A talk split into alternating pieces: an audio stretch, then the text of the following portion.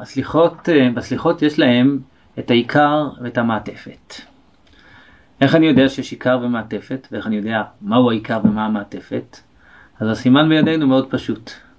מה שעם ישראל, כל המנהגים בכל המקומות אומרים, זה העיקר.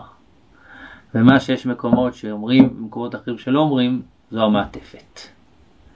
עיקר הסליחות זה י"ג מידות והווידוי.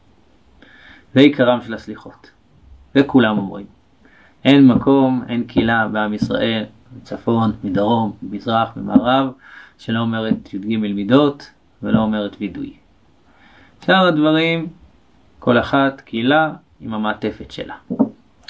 אני רוצה דווקא להתחיל עם המעטפת, כי גם עם המעטפת יש לה אה, משמעות, ואני אדבר על המעטפת שאני רגיל להתפלל בה, המנהל של קהילות אשכנז. אם אנחנו מסתכלים על הסליחות ועל המבנה של הסליחות, הן מאוד מזכירות לנו את התפילה, וברור שמי שעיצב את הסליחות, עיצב אותם במבנה, במבנה של תפילה. אנחנו מתחילים באשרי, אומרים אחריו קדיש, מסיימים בקדיש תתקבל, אומרים לפניו תחנון, ממש במסגרת של תפילה. פרק תהילים, קדיש לפני התפילה, קדיש לאחר התפילה, תחנון בסוף התפילה, ועיקר התפילה באמצע בתוך המסגרת הזאת. גם הסליחות נתקנו באותו מבנה, באותו, באותו צורה של תפילה. אבל המבנה של התפילה הוא נמצא גם בתוך הסליחות.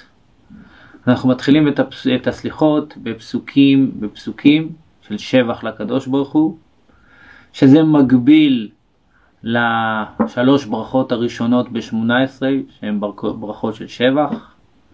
אנחנו מסיימים את הסליחות אה, בחתימה של שמע קולנו והפסוקים והאמירות שיש שם בסוף, מקביל לשלוש הברכות האחרונות ב-18, ובתווך את עיקר הסליחות.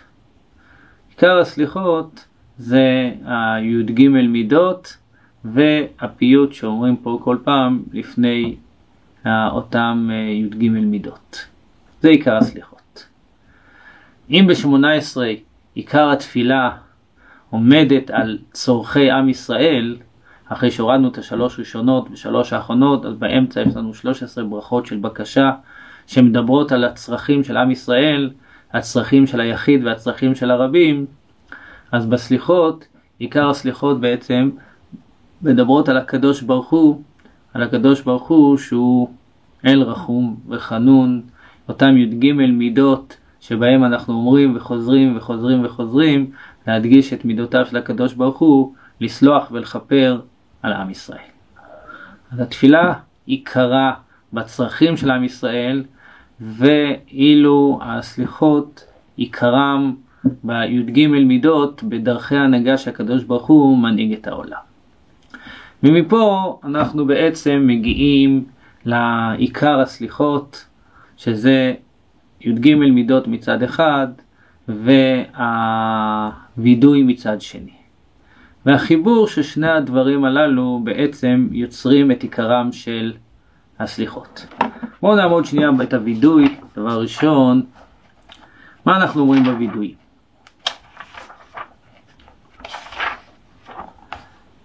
אלוהינו ולאבותינו, תבוא לפניך תפילתנו, תבוא לפניך תפילתנו ואל תתעלם, אל תתעלם מתחינתנו, שאין אנו עזי פנים וקשי עורף לומר לפניך השם אלוקינו ולאבותינו צדיקים אנחנו ולא חטאנו, אבל אנחנו ואבותינו חטאנו. באים אנחנו לקדוש ברוך הוא ואומרים לו אל תתעלם מתחינתנו, אין לנו פה לפתוח בפניך, אין לנו מה להגיד, אנחנו לא מנסים להצטדק, אנחנו לא מנסים לכפור באשמתנו, ואנחנו מודים שלנו, אבל אנחנו ואבותינו חטאנו. ואחר כך אנחנו מתחילים לפי סדר א' ב' ואומרים את הווידוי, אשמנו, בגדנו, גזלנו, דיברנו דופי, הבינו והרשנו, והרשנו וכולי וכולי. אם אנחנו מסתכלים בעצם, מפרשים את המילים הללו של הווידוי, אז רוב רובם של המילים מתארות חטאים כלליים. אין לנו כמעט, אה, יש כמה מעט, גזלנו, מדבר חטא ספציפי, גם אותו יכול שצריך לפרש בצורה יותר כללית, אבל יעצנו רע, גם כן זה משהו ספציפי. אבל רוב, רוב התיאורים של הווידוי זה דברים כלליים. אשמנו, בגדנו, הבינו, הרשענו, זדנו, חמסנו, טפלנו שקר, יעצנו רע, כיזבנו, לצנו, מרדנו, ניאצנו, שררנו, אבינו, פשענו, צררנו, קישינו עורף, רשענו, שיחטנו, תיעבנו, טעינו, תיעתנו. עיקר הווידוי שאנחנו אומרים זה לא וידוי החטאים ספציפ, ספציפיים, אלא בהכרה שאדם עומד בפני הקדוש ברוך הוא בתחושה אנחנו לא בסדר. אתה, אתה מה שאתה עושה בסדר ונכון וראוי, אבל אנחנו ואבותינו חטאנו. אנחנו כבני אדם, קרוצי חומר, אנחנו יודעים שאנחנו לא בסדר. זה, זה, זה בעצם האמירת הווידוי. לכן גם חז"ל קובעים, עיקר הווידוי זה אבל אנחנו ואבותינו חטאנו.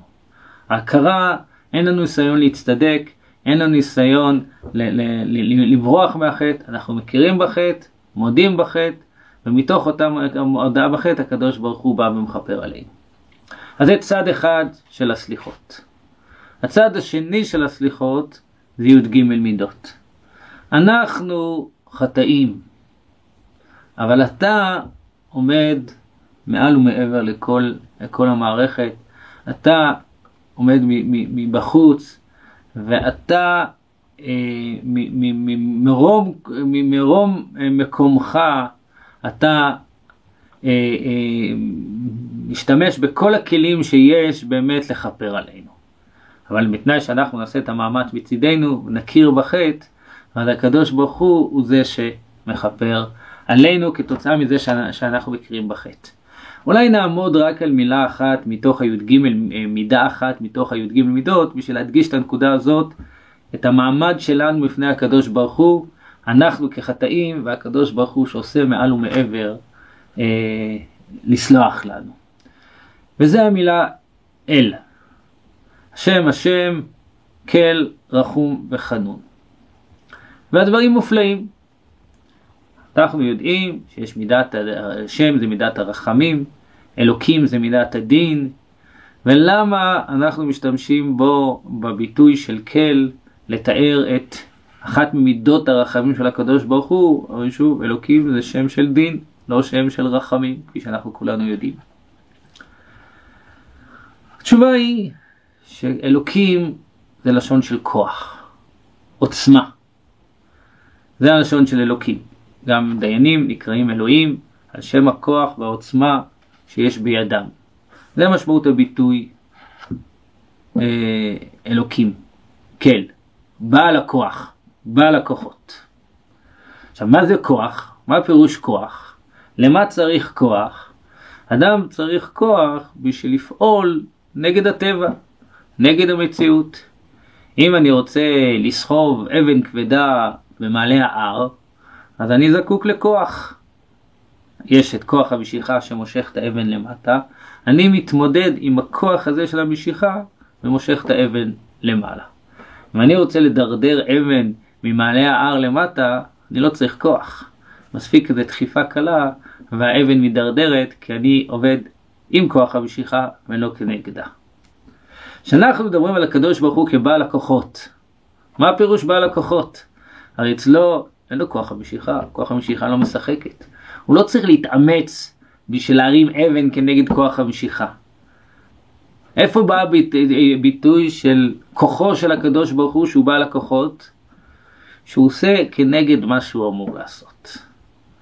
ומה שאדם, הקדוש ברוך הוא אמור לעשות, שאדם חוטא, הוא אמור לחלט אותו. כי אדם, הקדוש ברוך הוא זה שמחיה את האדם, ואם האדם חוטא, הוא כביכול מחייב את הקדוש ברוך הוא להיות שותף לחטא שהוא חוטא. כי בלי שהקדוש ברוך הוא יקיים את האדם, אז האדם לא יכול לחיות.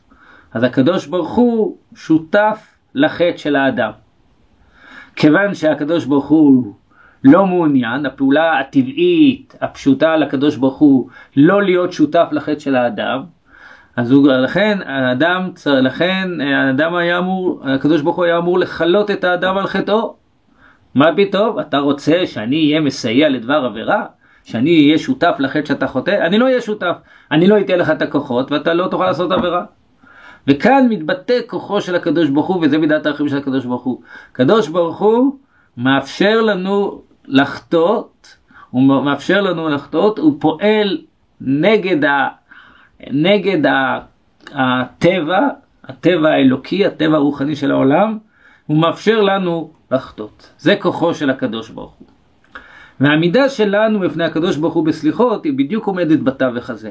אנחנו כלום, אנחנו ואבותינו חטאנו, אנחנו אין לנו שום דבר מעצמנו, ואילו הקדוש ברוך הוא, הוא בעל הכוחות כולן, ומתוך אותו כוח אדיר שיש לקדוש ברוך הוא, יש לו גם כוח לעשות כנגד העולם הרוחני הטבעי, ולסלוח לנו ולכפר עלינו.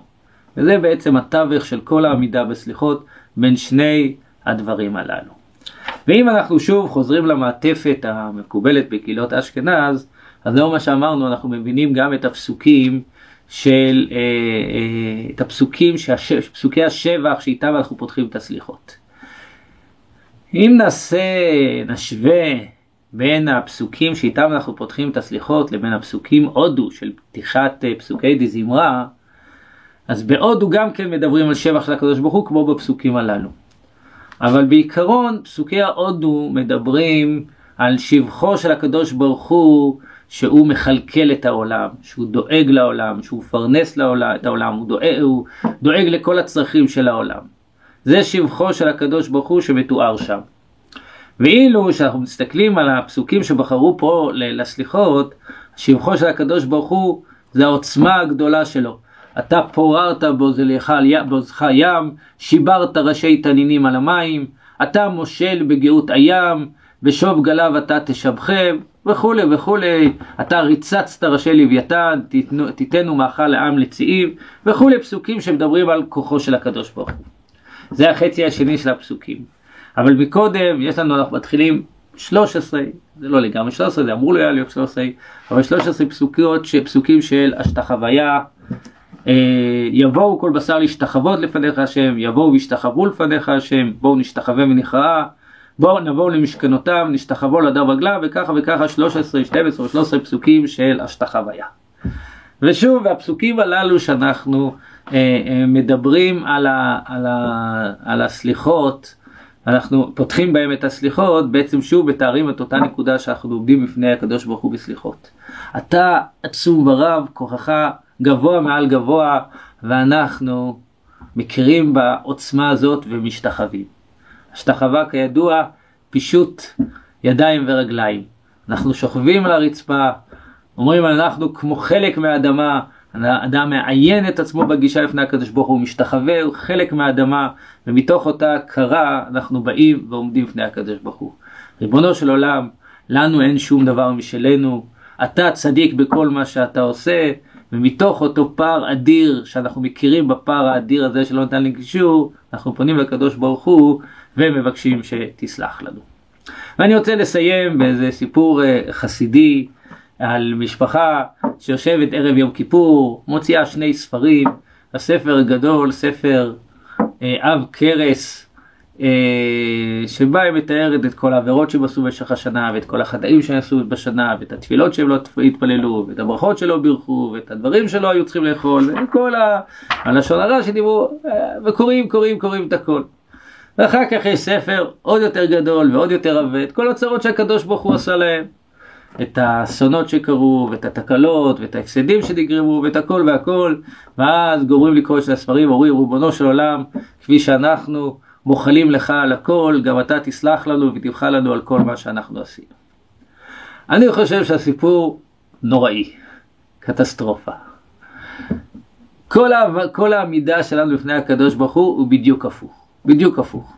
זה לא איזה שוויון, אנחנו עשינו לך ואתה עשית לנו ועכשיו אנחנו סולחים לך ואתה סולחים לנו. זה בדיוק הפוך מכל המהות של יום הכיפורים, הפוך לכל המהות של הסליחות שאנחנו מתחילים כבר להגיד בימים הללו. בדיוק הפוך. אנחנו באים לפני הקדוש ברוך הוא, ריבונו של עולם, אתה צדיק, אתה ישר, אתה הגון, כל מה שעשית, עשית בצדק וביושר. ואנחנו מכירים בזה שלנו אין כלום מכלום מאותו צדק ויושר שיש לך, ומתוך אותה הכרה שאנחנו כלום מכלום, ואתה יש לך הכל, אנחנו באים ואומרים, ריבונו של עולם, יש לך י"ג מידות שמקיימות את העולם, כיוון שאנחנו מכירים בחטאינו, אז עכשיו אתה תסלח לנו ותכפר לנו על כל חטאינו. שנה טובה לכולם.